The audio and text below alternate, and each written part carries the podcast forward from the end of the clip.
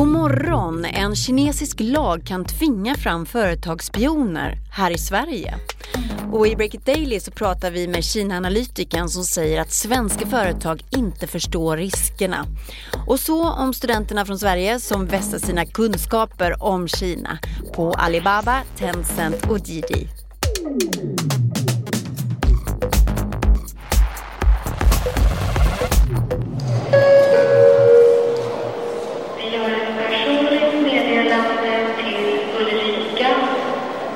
Det är torsdagen den 17 januari och i veckan har konferensen Folk och Försvar i Sälen fått stort utrymme i medierna. Igår på Centralen i Stockholm så träffade jag Kristina Sandklev som är oberoende Kina-analytiker. Så då, nu är vi på. Nu är vi på. Hon är just hemkommen från Sälen där hon varit med och diskuterat ett hett ämne för det svenska näringslivet, nämligen Kina. Kina som viktig och växande handelspartner till Sverige. Kinesiska Geely köpte ju Volvo till exempel. Men också Kina som ett hot. Ett hot? Hur då, tänker du? Jo, i Kinas femårsplan slås det fast att Kina ska riva barriärerna mellan det kinesiska näringslivet och militären, berättar Kristina Sandklev. Till exempel så är det ju så att alla fartyg som byggs i Kina på kinesiska varv, de måste också kunna omvandlas till militära fartyg. Och det här ser man väl då som en synergieffekt. Dessutom klubbade Kina en ny lag 2017, den så kallade underrättelsepliktslagen, berättar Kristina Sandklev vidare. Den går ut på att alla kineser, både hemma och utomlands, är skyldiga att samarbeta med Kinas underrättelsetjänst. Underrättelsetjänsten skulle alltså kunna ringa upp en kinesisk medborgare på ett svenskt bolag och fråga vilka företagshemligheter han eller hon jobbar med eller begära ut känslig information. Och då är personen i fråga skyldig att samarbeta och svara. Ja, enligt den här lagen så är det tyvärr så. Och det blir ju väldigt problematiskt eftersom det kan ju vara folk som inte har haft någonting med eh, underrättelsetjänst, alltså vanliga kineser som eh, helt plötsligt är tvungna att kanske e-, ägna sig åt industrispionage i Sverige. I Silicon Valley, bland spjutspetsföretagen, har Kinas underrättelselag resulterat i att företagen är försiktiga med att anställa kineser. Det finns vissa företag där, inte alla, men det finns vissa företag där som har blivit väldigt restriktiva i att anställa etniska kineser. Därför att man ska också vara medveten om att eh, Folkrepubliken Kina ser ju också före detta kineser och som då har nytt medborgarskap som kanske är amerikanska medborgare, de ser ju dem som kineser. Alltså de är fortfarande kineser i Folkrepublikens ögon.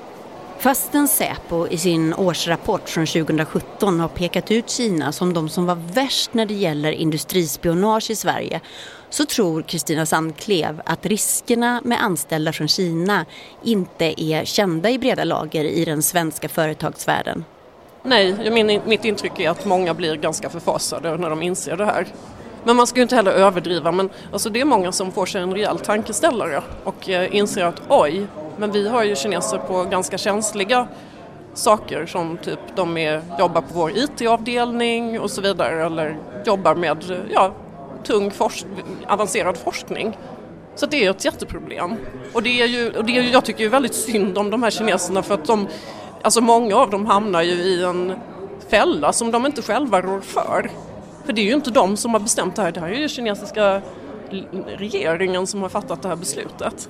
Men det är ju så märkligt att behöva prata på det här sättet för att det låter ju rasistiskt att stänga ute en grupp människor från den svenska arbetsmarknaden eller påtala att det finns en risk med det. Ja, absolut. Och jag tror att det är väldigt viktigt att man tänker på att kines är inte likhetstecken med Folkrepubliken Kina.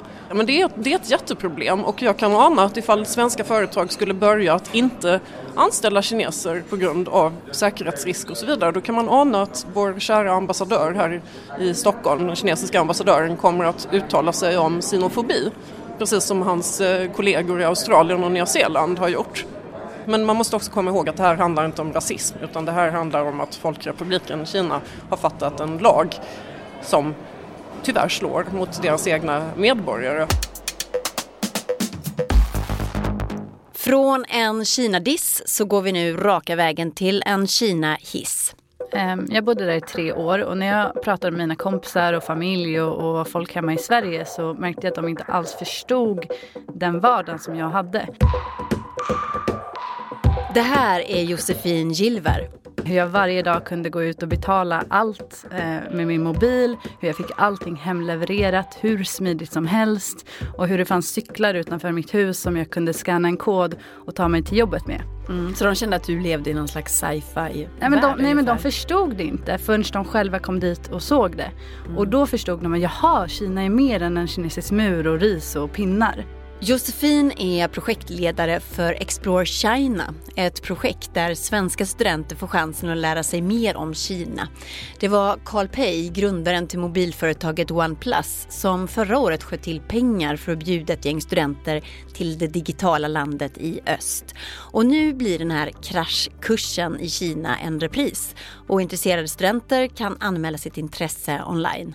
Inför första programmet så gjorde vi ett drömschema och vi lyckades få med alla de bolagen som vi hade på det schemat. Så det var Tencent, Alibaba, Didi, Mobike och sen så eh, ett gäng svenska entreprenörer också. Eh, så det blev en väldigt bra bredd av både de här stora giganterna som är världsledande idag inom sitt område och också de små liksom, som, som fortfarande är på uppgång. Mm. Det händer ju oerhört mycket spännande i Kina. Och techutvecklingen går i rekordfart. Många menar att eh, man redan har gått om USA som technation. Och eh, samtidigt då så är ju det här ett land som det är en diktatur. Det finns många frågetecken kring hur man använder teknologi som till exempel ansiktsigenkänning. Att staten då kan övervaka sina invånare. Vi eh, såg någon eh, forskare som hade tagit fram genmanipulerade bebisar och fick ett hav av kritik av världens forskare för de här oetiska försöken. Så hur kan man hålla den här balansen i, i ert program så att säga? Det tog våra studenter ungefär två dagar att eh, landa i att båda delarna är sanna och båda delarna händer. Eh, och det finns väldigt mycket där som vi faktiskt kan lära oss av och inspireras av också. Eh, vårt program sätter just fokus på det som eh, studenter härifrån Sverige kan ta med sig hem och dra nytta av.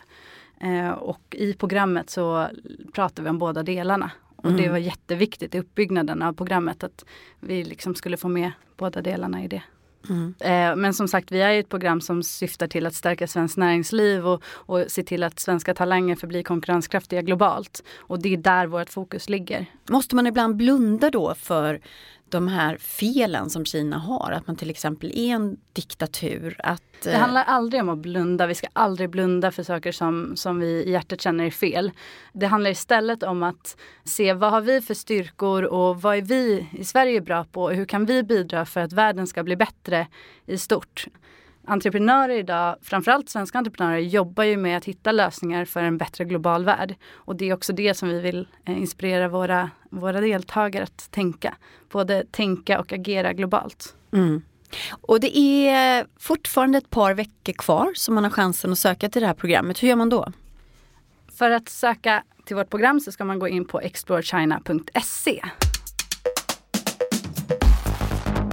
Break It Daily hör du tisdag till fredag och imorgon så blir det fredagsspaning. Lyssna då.